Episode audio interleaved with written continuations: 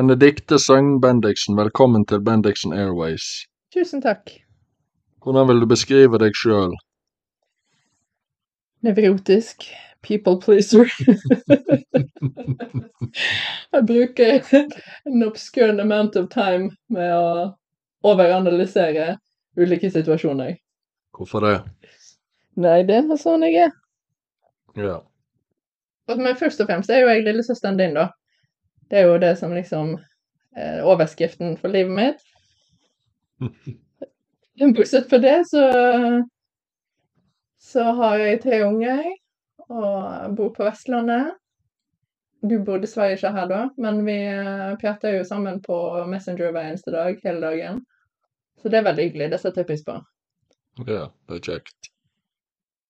How sad is it that most of us only begin to appreciate our life when we are on the point of dying?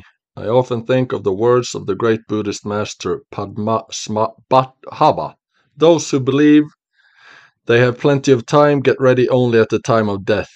Then they are ravaged by regret. But isn't it far too late? What more chilling commentary on the modern world could there be than that most people die unprepared for death as they have lived unprepared for life? Hva får det deg til å tenke? Først og fremst at en meget gledelig åpning av en podkast, men ellers er jo det helt sant. Sikkert for de aller fleste. Det er jo det som kommer opp som sånn topp all forskning som er gjort på folk, eldre folk som står på randen av døden. Hva er det de angrer mest på? Det er jo at de ikke levde ut sin livsoppgave, da, eller ikke gjorde det som de ville men det som de trodde at var forventet av de eller andre ville.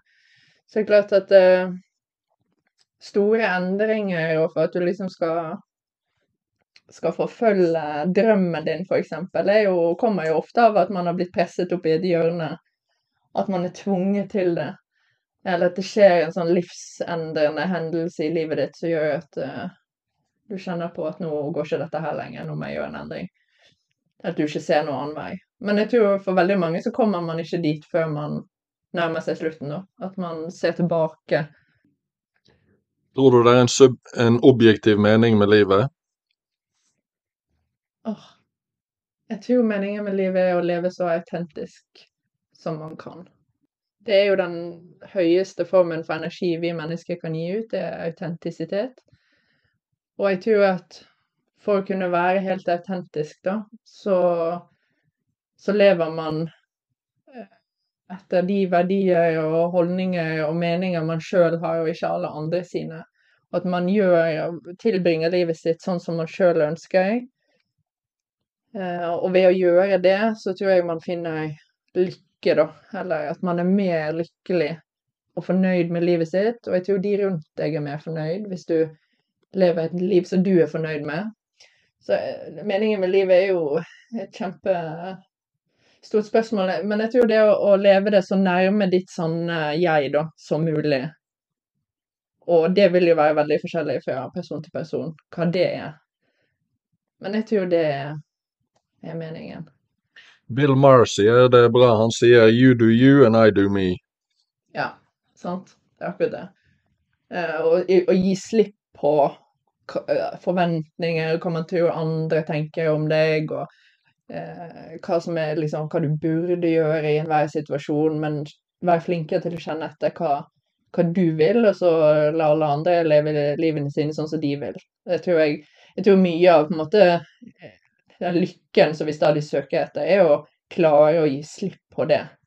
Og ikke bare den gi slipp på hva du tror andre tror om deg, men òg gi slipp på å mene så mye om andre sine liv. Hvorfor tror du så mange ikke klarer å gi slipp på det? Det er kjempevanskelig, da. Vi er jo flokkdyr. Sånn at vi er jo avhengig til en viss grad Selv om i det moderne samfunnet så kan man leve ganske ensomme liv, sånn sett. Men, men jeg tror at vi likevel sånn instinktivt ønsker å bli akseptert av flokken. Ønsker å være del av en flokk og ha en tilhørighet og en gjeng rundt seg. Så jeg tror noe av det er det, sant? at du kanskje er litt redd for å bli utstøtt av flokken, eller at andre skal tenke negativt om deg. Du ønsker jo at andre skal, skal like deg, da, rett og slett. Så jeg tror kanskje det har noe med det å gjøre, at det liksom er en sånn instinkt i oss at, eh, at de rundt deg skal akseptere deg, og da oppfatter du gjerne at du må tilpasse deg litt.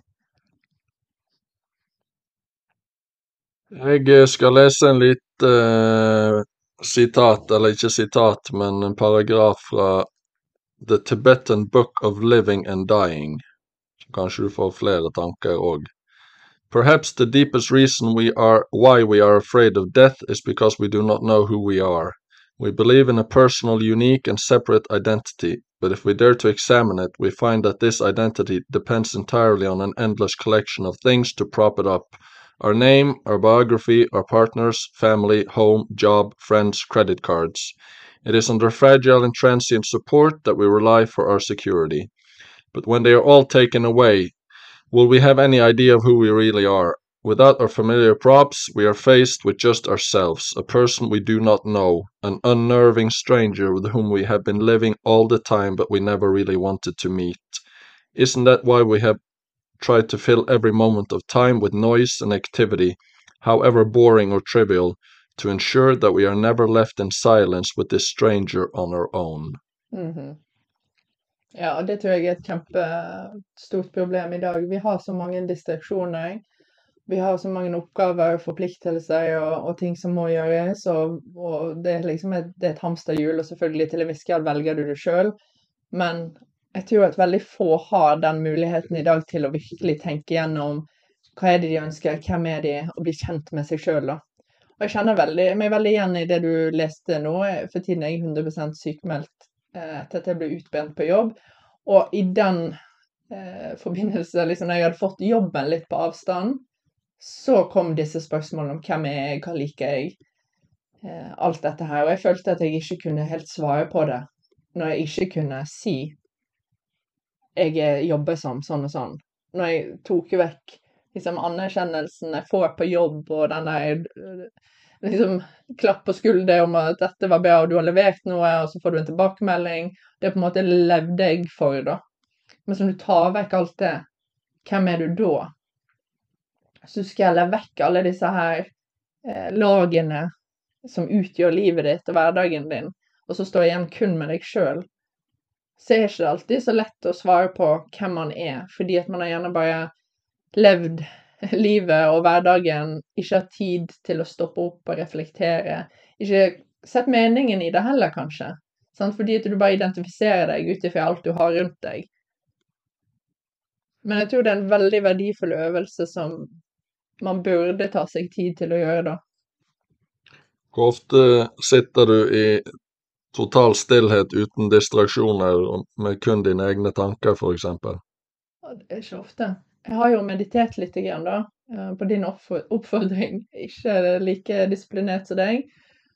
Men det er jo kanskje de eneste gangene jeg eh, er helt alene med tankene mine. Jeg kan jo sitte noen minutter her og der. Men det er stort sett et eller annet på øret, eller du ser noe, eller du holder på med et eller annet. sant? Tror du det fører til at det er blitt sånn i verden? At en aldri er jeg håper si kjeder seg eller må sitte kun med sine egne tanker? Det er jo så mye tilgjengelig. sant? Du har telefonen, og du har liksom alltid en eller annen impuls som kommer utenfra. Hvis du ønsker å ha den der, da, så er den veldig lett tilgjengelig skal liksom være underholdt hvert sekund av dagen eh, med noe. Og det gir jo en sånn veldig rask tilgang på dopamin, og eh, veldig lett å la seg falle for den fristelsen, da.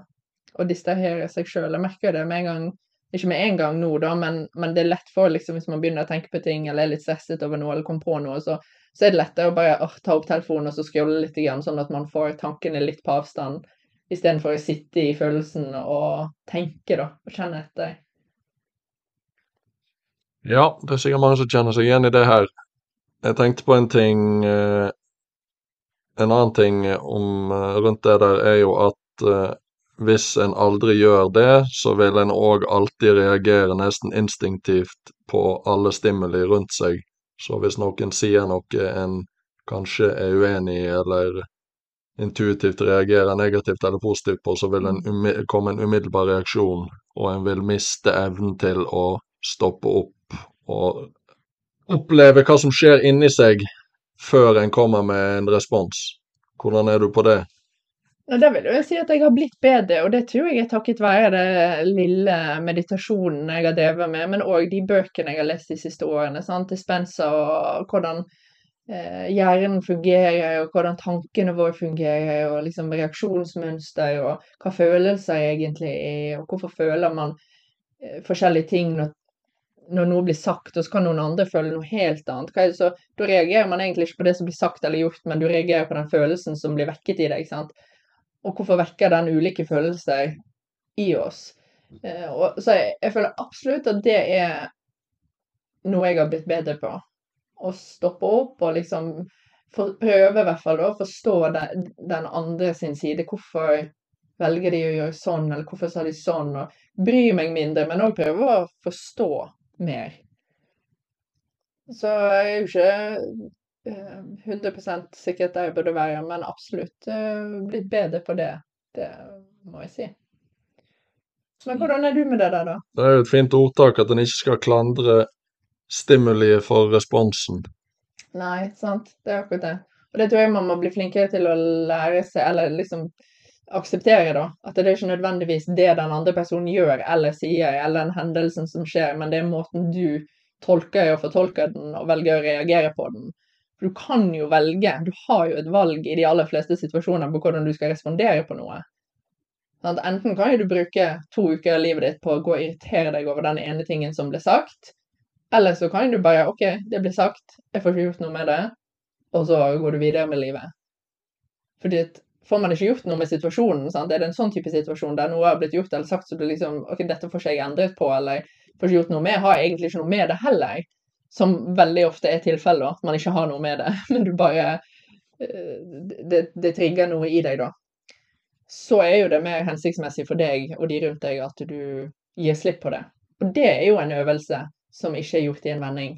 Men der føler jeg at jeg har blitt mye bedre, og det er jeg ganske stolt av, faktisk. De siste fem årene, vil jeg si. At jeg har blitt langt bedre på å bare gi slipp på sånne små ubetydeligheter som jeg ikke har noe med, eller kan gjøre noe med. Kjekt for deg. Tror du da på fri vilje? Jeg har ikke, jeg har ikke gone down that road med fri vilje, så jeg, jeg, jeg vet ikke hva det er. Og jeg vet jo at du mener at vi ikke har fri vilje. Ikke nødvendigvis lenger, men uh, det oppleves i hvert hvordan fall ikke definerer sånn. man fri vilje? Hva er fri vilje for noe, og hvorfor har vi det ikke? Nei, hvis du eksempel sitter kun i stillhet med dine egne tanker, da så har du ingen kontroll over hva som dukker opp.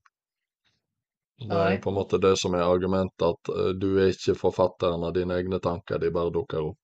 Ok, Så det er underbevisstheten din, da? Eller hva er det som liksom er forfatteren av livet ditt? Og... Ja, nei, det er jo ikke godt, det er jo ingen som vet. Nei. Men hvis en skal tro på dispenser, så har jo en frivillige, for da kan en eh, bli og gjøre hva som helst. Men, eh, Mm. men eh, det er jo sånn at eh, spesielt i den vestlige verden og vest, hva skal jeg si, vestlig religion, kristendom spesielt, er jo først og fremst forfattet på eller forfekter normer og regler og retningslinjer og bud som du skal følge. Mens buddhisme, hinduisme, den type religioner er jo mer at du skal se innover i deg sjøl, så Mm. introspeksjon.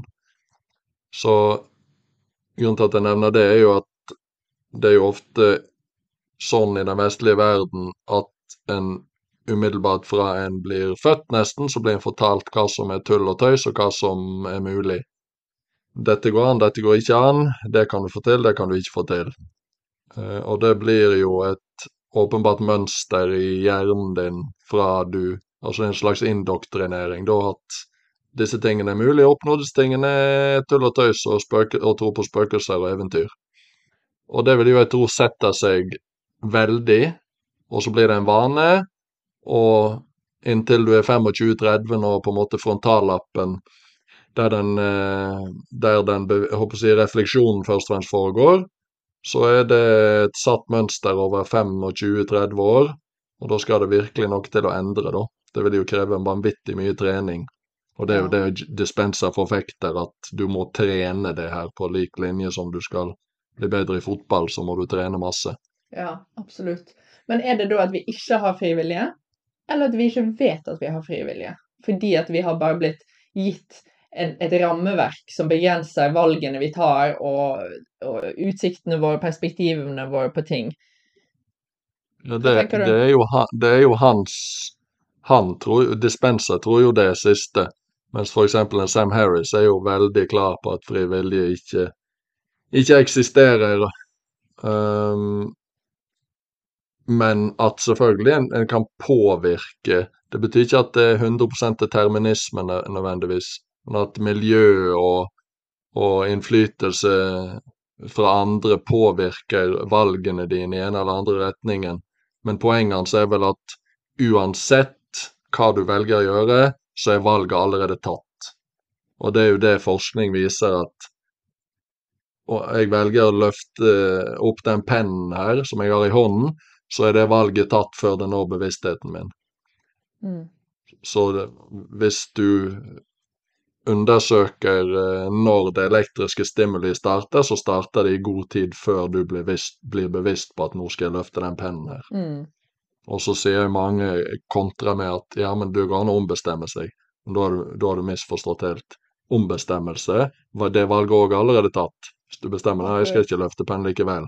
Det valget er allerede tatt. Ja. Elektriske impulser startet før du blir bevisst på at nei, jeg løfter ikke pennen likevel. Ja. Men på hvilken måte mener Sam Harris at Fordi at jeg, jeg bare ser for meg Altså enten man Jeg mener, jeg, jeg er jo mer tilbøyelig til å lene meg mot Dispenser sitt, liksom Men nå, nå har ikke jeg dykket så dypt inn i dette med fri vilje, så føler jeg ikke at jeg har, eh, har så masse grunnlag å uttale meg på, da.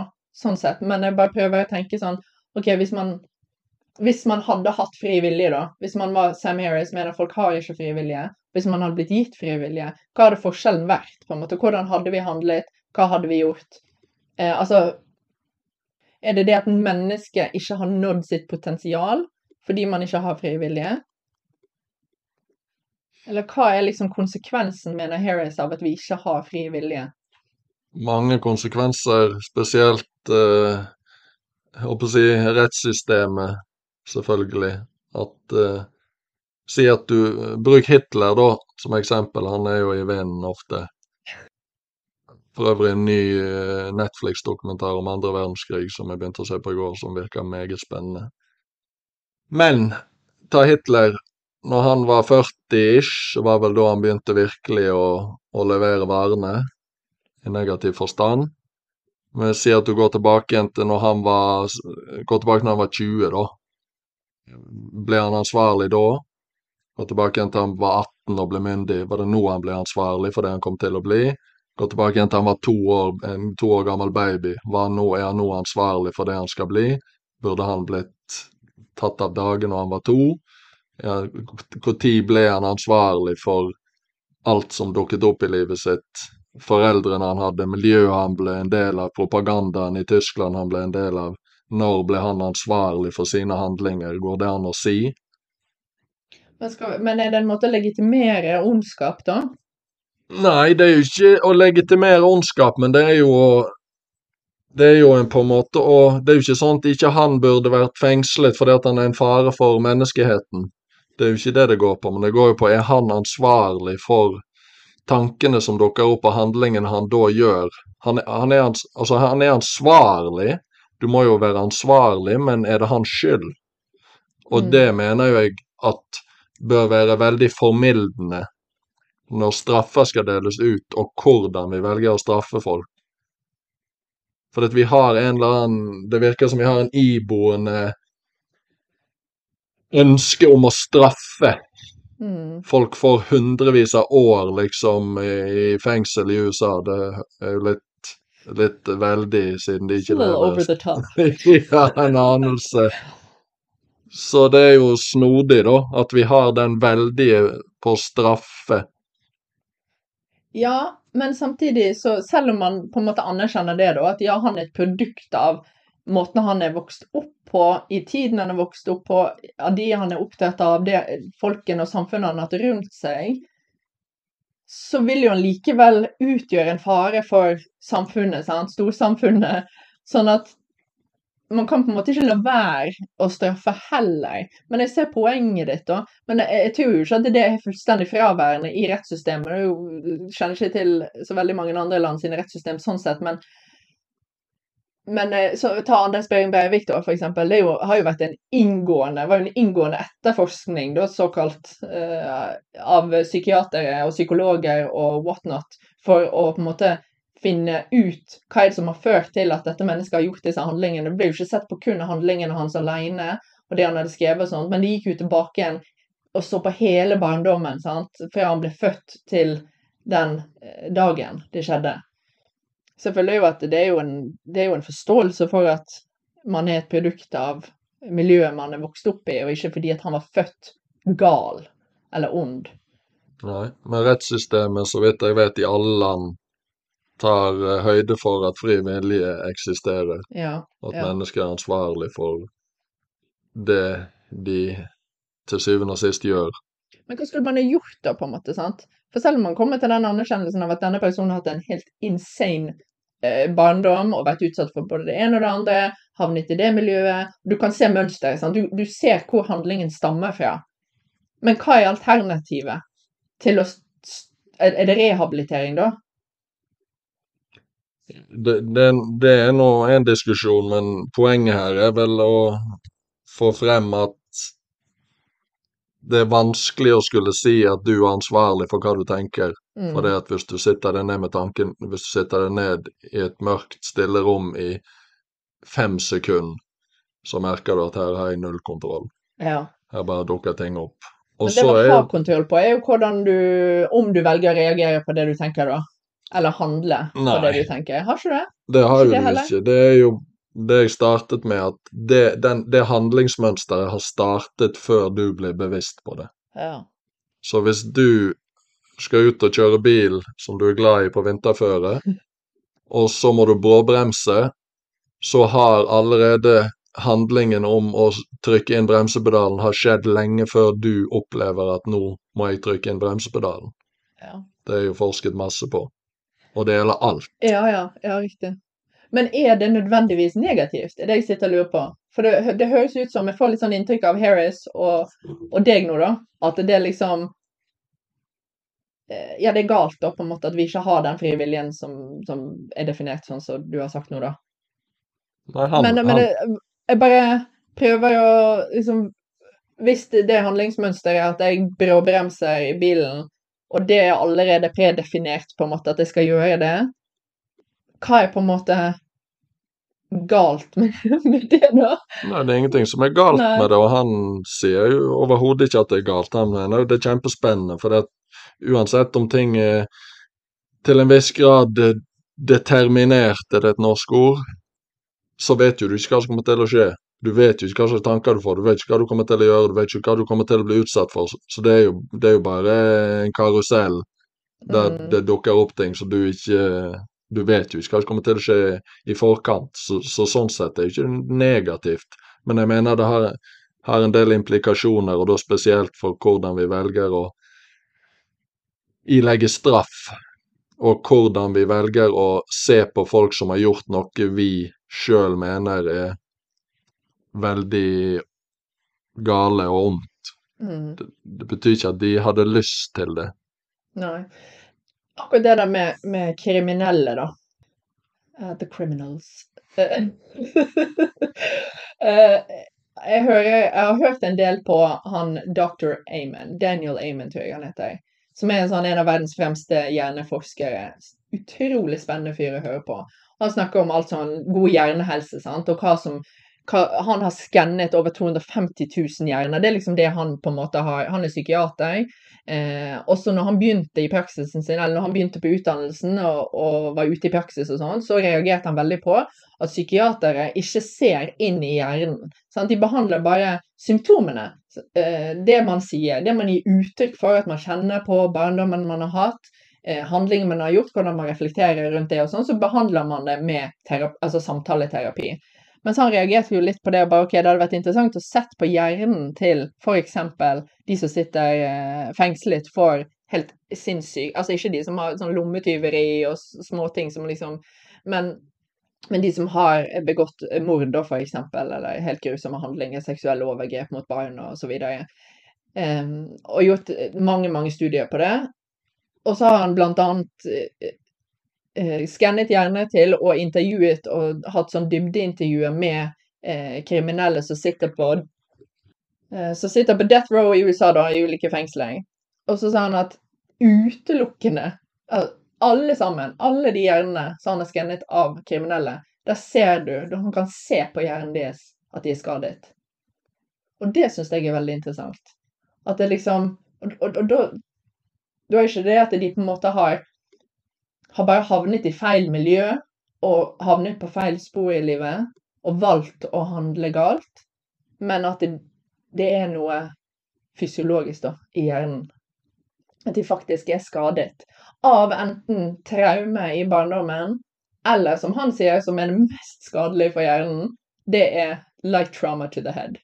Altså bare det at du slår hodet ditt litt grann som barn, eller som voksen for den del, men at du har en eller annen form, sånn som å heade en fotball, kan være kjempeskadelig. Så vi aner ikke, sant. Det kan slå ut når du er 40 og på jobb en dag, eller at du liksom sakte, men sikkert utvikler en eller annen personlighet eller personlighetstrekk da, som er negativt.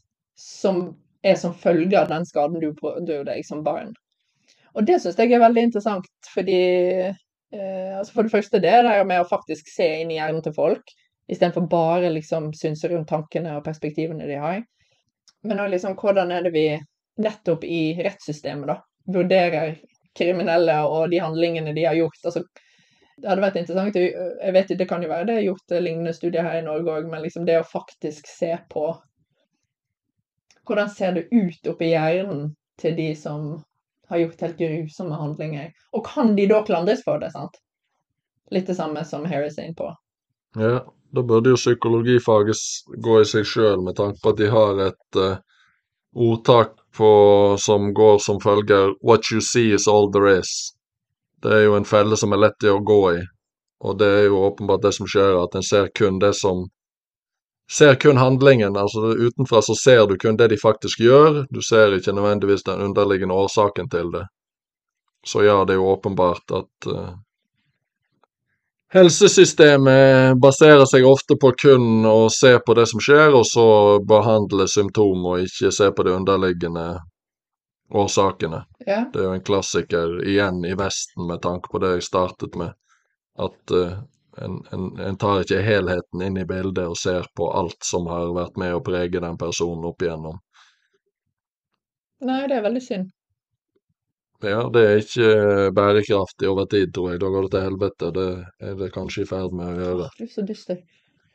And doesn't this point to something fundamentally tragic about our way of life? We live under an assumed identity in a neurotic fairy tale world with no more reality than the mock turtle in Alice in Wonderland. Hypnotized by the thrill of building, we have raised the houses of our lives on sand. This world can seem marvelously convincing until death collapses the illusion and evicts us from our hiding place. What will happen to us then if we have no clue of any deeper reality? Jeg vet ikke at jeg kan lese den en gang til. er du redd for å dø? Um, jeg Nei, jeg er ikke redd for å dø, men etter et, et, at jeg fikk unge, så jo jeg, tenker jo jeg mer på det, føler jeg. Enn Eller det, det vil jo jeg aldri vite. Om jeg hadde tenkt mer eller mindre på det. Eh, hvis jeg ikke hadde hatt unge. sant? Men i hvert fall, som mor, da, så tenker jeg i hvert fall eh, mer på det nå. Eh, men ikke bare frykten for at noe skal skje med de, men kanskje nesten enda mer redd for at noe skal skje med meg, eller han jeg bor med. Men det, det er litt fascinerende dette med døden, sant? fordi at det er på en måte en del av alle sitt liv. Vi går rundt og bare aksepterer at vi skal dø en dag. Men vi snakker ikke så mye om det. Vi forholder oss kun til det når vi absolutt må. Og så er det ingen som vet hva som skjer når du dør. sant? Vet, Alle vet at du skal gjennom det, men du vet ikke hvordan det blir, eller hvordan det føles, hva som skjer.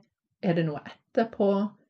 Så det er på lik linje med graviditet, som er helt sinnssykt når du først begynner å tenke på det, at vi kan gro mennesker inni oss, og eh, døden. Så, så liksom det er så rart. Og, og det at alle sover om natten. Det er de tre tingene som jeg syns det liksom Så vi mennesker bare går rundt og aksepterer at skjer, at vi kan lage mennesker inni oss. Alle i hele verden legger seg til å sove om natten, og alle skal dø. Det bare aksepterer vi. Mens det med døden er jo det eneste vi ikke vet hvordan blir. Så vi ikke kan si noen ting sikkert om. Eh, og noen tenker jo selvfølgelig mer på det enn andre, og noen utvikler veldig sånn angst for det, og, og fobier og, og, det. Men, men sånn for min egen del så er det ikke noe som jeg går rundt og er redd for. Men jeg tenker jo på det innimellom. Det gjør jeg. Steve Jobs Everybody wants to go to heaven, but nobody wants to die to get there. Mm -hmm. Ja, det er sant. Nei, men eh, når det gjelder døden, da, så er jo kanskje håpet at når den tid kommer, som en gammel, gammel dame, så er jeg fornøyd med hvordan jeg levde livet mitt, da. At jeg ikke er jeg ser tilbake med regret sant, for at jeg ikke gjorde sånn og sånn, eller Og det er jo noe på en måte som jeg har med meg gjerne i, når jeg er sammen med ungene mine, da. Og når jeg kjenner på liksom åh, det hadde vært digg å ha hatt én natt alene i den sengen. Eller at åh, nå er det noen som skal ha en skive, eller nå er det noen som skal dusjes, og så må det hjelpe. Altså, når du liksom bare kjenner på at åh, det er ikke et minutt i fred, sant. Da prøver jeg å hente inn døden litt. Bare, eller ikke døden, kanskje, da, men mer sånn En dag så er ikke dette mer. En dag så vil ikke de opp i sengen din mer. En dag så trenger ikke de hjelp når de skal inn i dusjen. De kommer ikke til å spørre om du kan smøre en skive, og så sitter du der med skjegget i postkassen og, og, savner den tiden som du nå irriterer deg litt over, eller er litt utålmodig til å komme deg forbi. Sånn at eh, Kanskje ikke død nødvendigvis, men mer sånn at det kommer en tid der dette ikke fins. Mm. Setter ting i perspektiv, ja. Vi snakket jo tidligere om eh, tanker om hva andre tenker og mener om oss. Ja. Døden kan jo få en til å kanskje redusere tankene om det. Det er ikke så ja, viktig likevel. Ja, det tror jeg man liksom Hvis man ikke har innsett det før, så innser man det da, hvis man er noenlunde bevisst da, før man dør. Eh, at alt dette her som jeg gikk rundt og bekymret meg for og var redd for hva andre kom til å si, det, det betyr, eller tenker det betyr jo ingenting. Og det er jo bare tull. Men man, man, er jo ikke redd for hva andre tror om deg. Du er jo redd for det du tror at andre tror om deg. Mm. Og mest sannsynlig så mener jo folk ikke så veldig mye om deg. Og så det jeg har innsett med akkurat det der, for det da jeg måtte jobbe en del med eh, Og bare ikke bruke så mye energi på å liksom se for meg hva andre måtte sitte og mene eller tenke om meg, da. Eh, men det jeg har innsett, er jo at du får jo ikke Du får ikke endret noen andre enn deg sjøl. Sånn at disse her personene som du har, det er jo ofte i sånne gjengående Du har valgt deg ut noen personer fra barndommen kanskje, eller fra ungdomsskolen, eller noen som du har møtt i livet som på en eller annen måte har trigget deg litt. Grann. Disse har du med deg i voksenlivet òg. Så tenker du på det sånn random person fra ungdomsskolen, lurer på hva hun ville tenkt. så det er de du ser for deg når du liksom står overfor et valg. Og skal jeg tørre å gjøre det? Skal jeg satse på det? Eller skal jeg gjøre noe som er litt annerledes? Ta dette valget? Så dukker disse her tilfeldige personene opp i hodet ditt. Det tror jeg er veldig vanlig. Men man må jo bare forstå at de kommer ikke og banker på døren din og sier hei, vil bare si fra om at jeg tenker ikke så veldig mye på hva du driver med. sant? Det kommer jo ikke til å skje. Så, så, det eneste du har kontroll over, kan gjøre noe med, det er jo hvordan du forholder deg til det. Om du velger å liksom la dette her ta veldig stor plass, og bruke tid og energi på å tenke på det, eller om du skal bare drite i det, rett og slett. Eh, og det er jo, tror jeg, det eneste du kan gjøre, eh, å jobbe med det. Men en strategi som jeg har brukt da, for å bli bedre på dette her, det er at jeg er snillere mot meg sjøl og snillere mot andre. Når jeg liksom, hvis jeg hører at noen har gjort et eller annet, eller nå skal de sånn, og de skal bla, bla, bla, så prøver jeg å stoppe meg sjøl fra å dømme det, da. Eh, og blitt veldig mye flinkere til det. Jeg føler det skal ganske mye til nå for at jeg tenker noe negativt om noen andre, da. Eh, liksom Hvis det er noe som jeg ikke ville gjort, så bare Å ja, kult, det, det, er ikke for meg, men de har sikkert sine gode grunner til å gjøre sånn, eller si sånn, og så move on, liksom. Så det er liksom en strategi som har hjulpet meg, da, at jeg har en øvelse der jeg liksom er snill med andre i tankene mine. Og, det, og da syns jeg det er lettere å gi slipp på denne følelsen av at andre dømmer deg og mener ting om deg. Fordi at jeg sitter og kjenner ja, men jeg gjør jo ikke det med andre. Jeg gjør det til en viss selvfølgelig. Jeg er jo ikke feilfri. Men, eh, men jeg syns at det har vært en god strategi, da. Å å lære seg til å liksom respondere på andre sine handlinger og valg med eh, åpenhet og aksept og litt sånn nysgjerrighet istedenfor å, hvorfor gjorde han det, eller hvorfor sa de det, og det ville ikke jeg ha gjort, og det var jo sant. Hvordan vil du begravelsen din skal være? Ah, Han er der forhåpentligvis ikke. Jeg får jo ikke være der, så det har ikke jeg tenkt på. Jeg føler ikke jeg tenker så mye på det. Har du? Skal ikke du forberede deg? Men det er jo ikke, Hele det er jo ikke hensikten med alle paragrafene jeg har lest der, en skal forberede seg. Jo, men må man forberede seg til sin egen begravelse? Kanskje det får være opp til de som står igjen? tror det kan bli hakket bedre for de som står igjen. Jo, da. jo, selvfølgelig. Hvis du liksom har noen veldig spesifikke ønsker. Men så du begravelsen til Shane McGowan, Nei. han som har skrevet Fairytale of New York? Nei. Nei, Der var jo det full fest, og de spilte musikk og danset og koste seg. Jeg tenker at jeg mye heller vil ha det i min begravelse enn skal sitte der og sippe. Ja, det er sant. Det er sant. Det letter stemningen litt, det. Bedre å feire livet enn å Ja, håper jeg, ikke feire det. ja, absolutt. Men så kommer det sikkert litt an på situasjonen man dør i òg, da. Ja, det er klart. Altså, Men det, derfor er det vel viktigere, dess viktigere er det vel å forberede. Ja.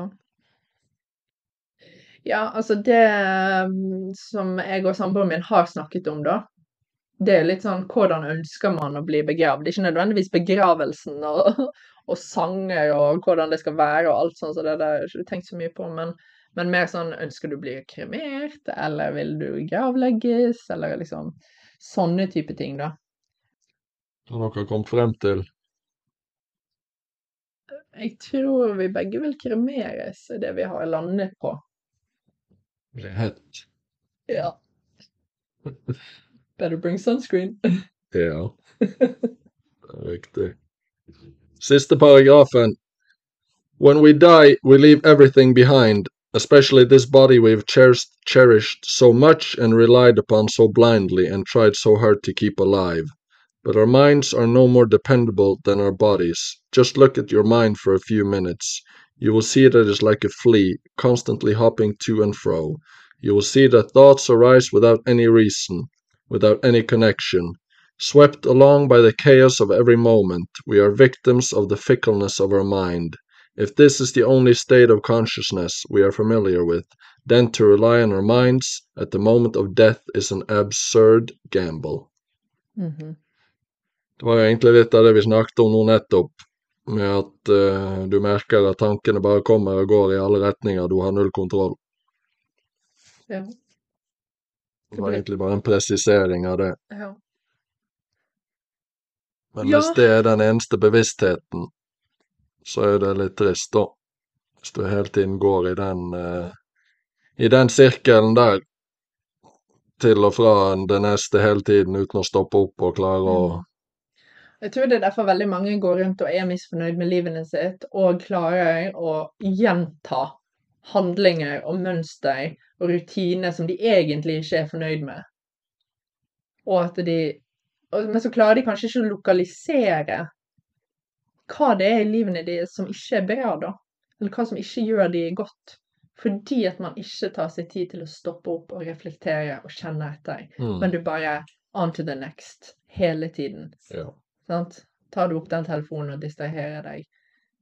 Um, det er jo derfor det er så viktig å ta seg den tiden. Eh, enten at man liksom klarer å, å, å få inn noen sånne rutiner, som meditasjon, da. Som er en veldig god anledning til å sitte i sine egne tanker, reflektere litt og bli bedre på det, og være mer bevisst seg sjøl. men, men hvis man har muligheten òg til liksom ikke jobbe en periode, da. Det tror jeg rett og slett eh, hadde gjort veldig mange godt, men det er jo ikke alle som står i den situasjonen heller, at man har anledning til å gjøre det, selvfølgelig. Eh, men det er derfor det burde vært sånn obligatorisk sabbatår i alle, alle plasser man jobber. Kan Mm. liksom det, det har jeg hørt at det er noen bedrifter som praktiserer i USA. På hvilket som helst tidspunkt i løpet av den tiden du er i den bedriften, så kan du si at nå skal jeg ha et sabbatår. Og da kan du da får du betalt, og så har du et år til å tenke og reflektere og kjenne etter, og gjøre alle disse her liksom eh, Investigate yourself, da, egentlig. Er det Noe annet du vil legge til? Åh, Er det det? Vi, snakket, vi var jo litt inne på kommunikasjon, da. Eh, eller vi skulle snakke litt om kommunikasjon. Og det syns jeg er veldig spennende, hvordan vi kommuniserer med andre mennesker. Men òg hvordan liksom kommunikasjon kan være på en måte døden eller livet da, for, et, eh, for alle forhold, og ikke bare romantiske forhold, men alle forhold som du har til folk rundt deg. Eh, og jeg tror at for å kunne kommunisere skikkelig godt med noen, som gjerne du har et sånn langvarig sånn type samboer, eller du er gift med henne, sånn, så du har et sånn, skal ha et livslangt forhold til, så er det i hvert fall vet jeg ingenting om. så er det i hvert fall avgjørende at du kjenner deg sjøl veldig godt. Jeg tror at for å kommunisere, kunne kommunisere godt, så må du vite hvem du er. sant? Du må kjenne ditt reaksjonsmønster, og så må du forstå at det er ulikt den andre personen. Du må liksom kunne sette deg litt inn i hvorfor tenker den personen så annerledes som meg. Hva er det som måtte gjøre det?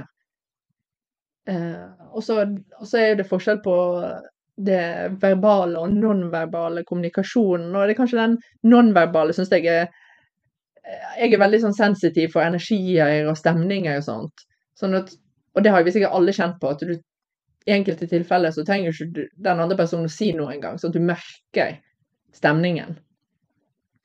Og det syns jeg er veldig spennende. Og, og, noen ganger litt irriterende òg at jeg lar meg på en måte veldig sånn styre av hva jeg tror stemningen er, da.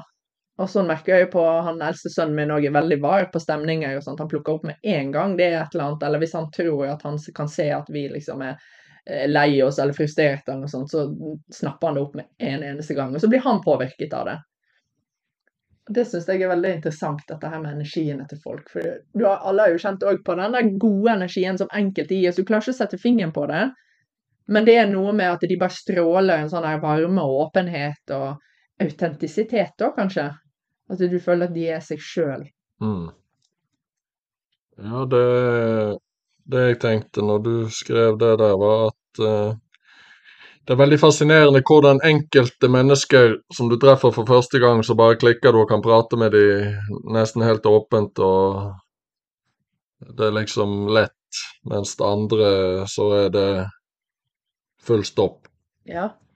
Ja, det der er veldig rart. Jeg merker det med meg sjøl at jeg, jeg, er jo i utgangspunktet en introvert, men møter jeg den rette personen, så kan jeg nesten snakke om hva som helst med, med det, uten å kjenne dem. Sant? Du bare du merker at dette vesenet her er liksom åpen, og man er på samme frequency, da, nesten. Mm. Du kjenner at her liksom er det trygt, og eh, den andre personen tar imot min energi og forstår meg, og sånn. Så, mens andre da er det bare sånn nei, du vet nesten ikke hva du skal si, sant. Begynner du å kommentere på været. Riktig.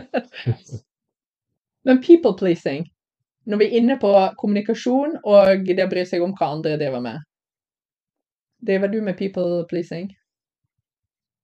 Jeg merker i hvert fall at jeg har vært veldig glad for å treffe noen nye mennesker i livet mitt som jeg kan ha dypere samtaler med. At jeg Smalltalk er ikke akkurat en sterk side hos meg.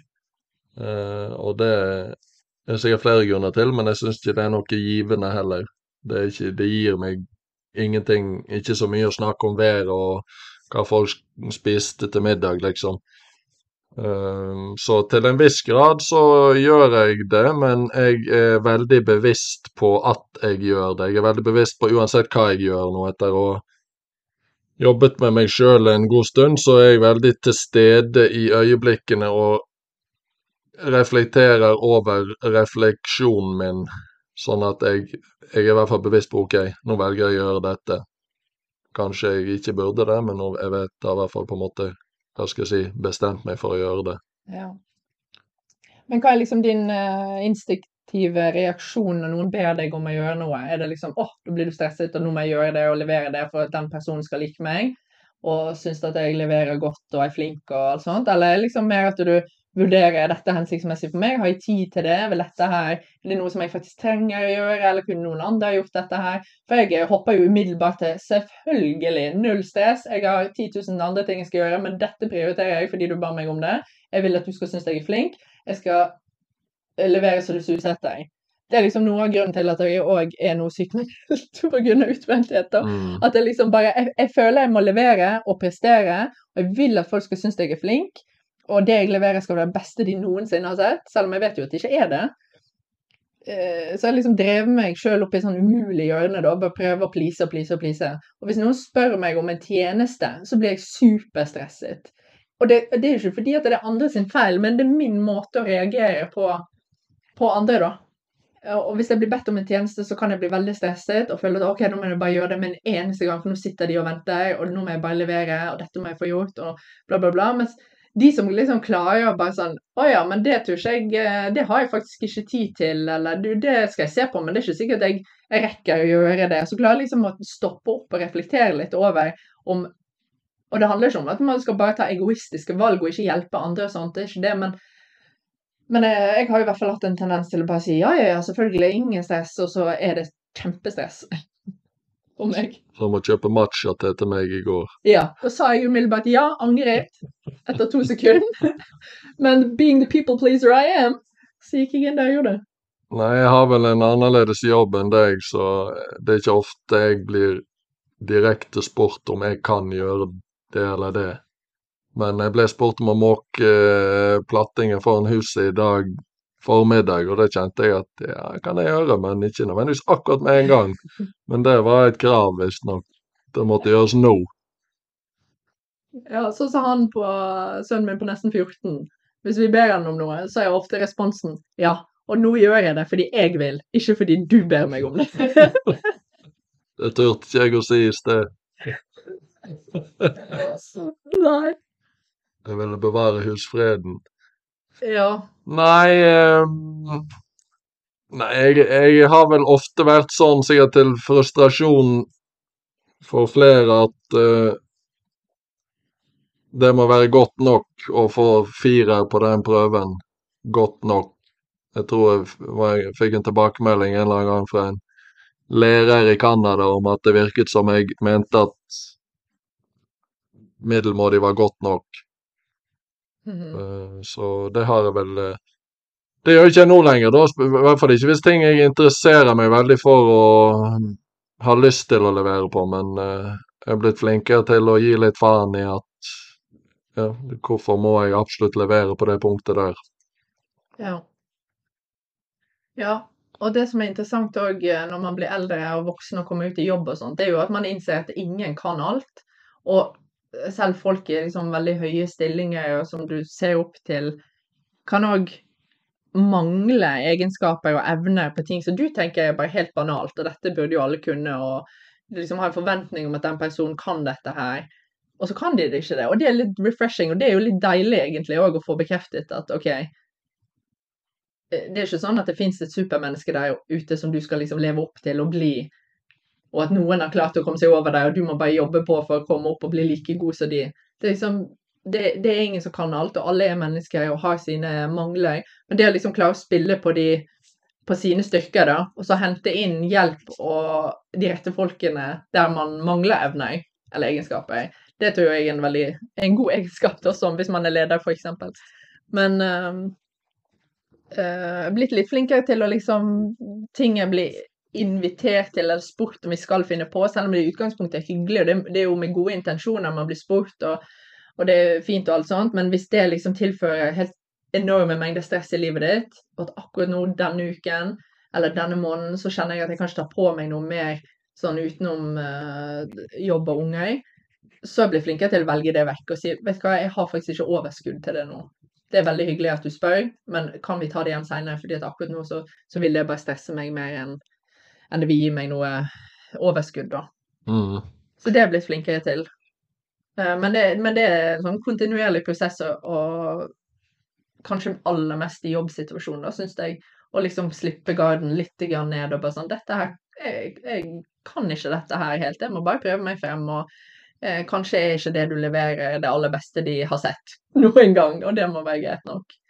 Ja, og så tror jeg det er veldig lurt. Jeg tror det hadde blitt en langt mer fordragelig verden dersom folk Altså ikke nødvendigvis altså ikke bare i jobbsammenheng, men først, kanskje først og fremst ikke i jobbsammenheng, at en ikke henger seg så veldig opp i ting som trivialiteter, ting som egentlig ikke betyr så mye. Det er ikke så forbanna nøye om den, det gulvet ikke er støvsugd eller vasket, Mm. eller om de klærne ikke er hengt opp akkurat nå, eller om skoene står i alle retninger i gangen. Det er ikke så fryktelig nøye, det betyr egentlig ingenting.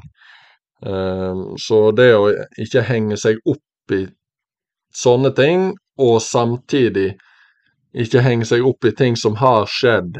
For eksempel et eksempel her. For eksempel et eksempel. Well said. Ja, bra. Eh, påsken. Eh, husker jeg kjørte bilen min oppover eh, oppover mot du skulle ut på ski, og så kjørte litt fort, og så var det en liten hump, og så slo den nedi, da. Mm. Og så satt det noen i bilen som sa 'Å, du må jo passe Hvorfor gjorde du det, liksom? Kjør så fort'.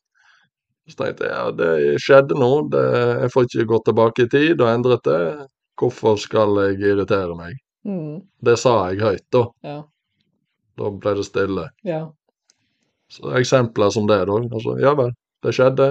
Hvorfor bry seg? Ja. Nei, det sånn, jeg har faktisk et, veld, et lignende eksempel, veldig lignende eksempel som uh, du kan klippe ut hvis du syns det blir eh, At jeg bare gjentar. I Men, just might do it. men uh, jeg skulle kjøre foreldrene mine opp til flyplassen her i mai. Og så skulle jeg ha med han på to opp òg. Så hadde jeg han i, bærte han ned til bilen, og så hadde jeg telefonen min i hånden. Så skulle jeg sette han inn i bilen, og så setter jeg ungen inn i bilen og legger telefonen min på taket. Og så begynte jeg å, så spurte mamma sikkert om noe, da, så ble jeg distrahert. Glemte den telefonen. Kommer vi et godt stykke på vei ut på E39. Da hører jeg bare sånn dunk, dunk, dunk, dunk, dunk. Og så ser jeg i speilet at mobilen min bare flagrer bortover asfalten. Og de i full, fullstendig panikk. sant? Hva var det for noe mobil? Du må stoppe, du må snu. Men da kjente jeg at jeg liksom umiddelbart bare Dette får jeg faktisk ikke gjort noen ting med. Det har skjedd. Mobilen min er ødelagt, knust. Never to be recovered. Og det er ingen plass å snu her nå. Så nå må vi bare Jeg bare kjører det opp som om ingenting har skjedd. at eh, det er ikke vits i å bruke tid på det. Og det ordnet jo seg. Jo, jeg fikk jo kortene mine tilbake, som var det viktige, og mobilen er erstattet. Det hadde ikke gjort situasjonen noe bedre hvis jeg hadde reagert med hysteri, da. Hadde gjort den verre. Ja, ja. Ja, noen avsluttende ord? Nei, jeg er allerede på første juledag nå oppi hodet mitt. Man gleder seg. Veldig hyggelig å bli invitert eh, i podden din. Jeg har jo prøvd, prøvd å unngå det så lenge jeg kan. Ja. Men nå måtte jeg. Du kunne ikke unngå mine gode refleksjoner lenge. Så hyggelig å bli det. Tusen takk for at du hørte på Bendixon Airways. Dersom du har tips, kommentarer eller vil gi en vurdering av episoden, så gjør gjerne det. Det setter jeg stor pris på.